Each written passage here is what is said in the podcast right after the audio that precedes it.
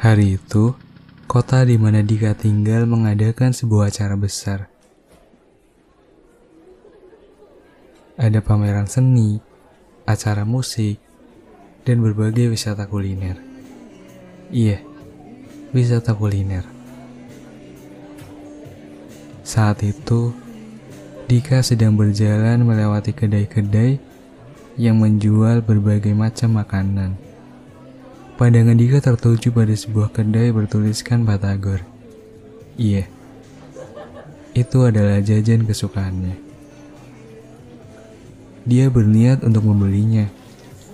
Namun dari kejauhan, samar-samar Dika melihat seseorang yang melambaikan tangan padanya. Seseorang itu tersenyum dan terlihat seperti mengisyaratkan Dika untuk datang menghampirinya. Dika pun berjalan mendekati seseorang itu. Kemudian Dika menyapanya. Iya kak, gimana? Tanya Dika. Kemudian seseorang itu tertawa lalu berkata, mmm, "Maaf, Mas, bukan Masnya, tapi Mbak yang di belakang." Saat mendengar jawaban seseorang itu, Dika refleks menengok ke belakang. Dan ternyata benar, bukan Dika yang seseorang itu panggil, tapi seseorang yang ada di belakangnya. Dika tersipu malu, dan untuk menutupi rasa malu itu, Dika memberanikan diri untuk meminta maaf dan pergi. Oh, saya kira tadi manggil saya. Maaf ya kak. Kata Dika sambil berjalan menjauhi mereka. Dika sudah tidak memikirkan Batagor itu. Yang dia pikir hanya pulang dan pulang.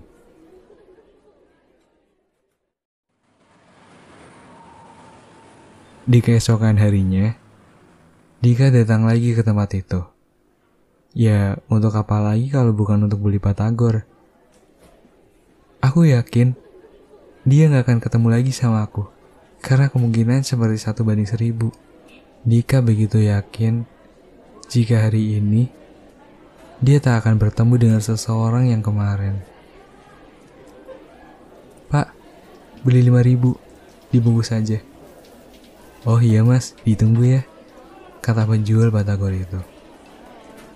Kenapa nggak makan di sini? Tanya seseorang yang tiba-tiba mengagetkan Dika. Dan saat Dika menengok ke sumber suara itu, ternyata itu suara dia. Iya, seseorang yang kemarin. Seseorang yang membuat Dika merasa malu.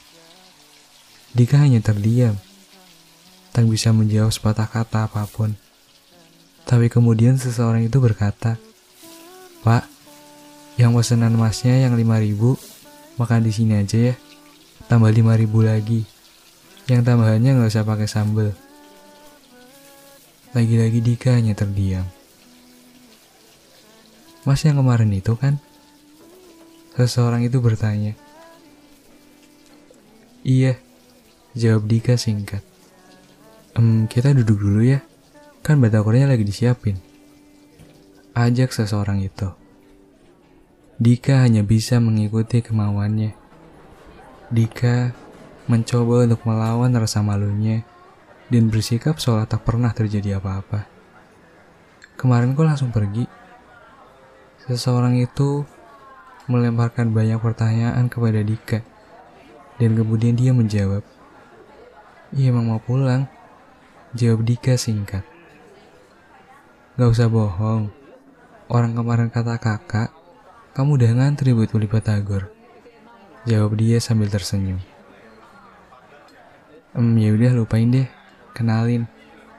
Namaku Aca.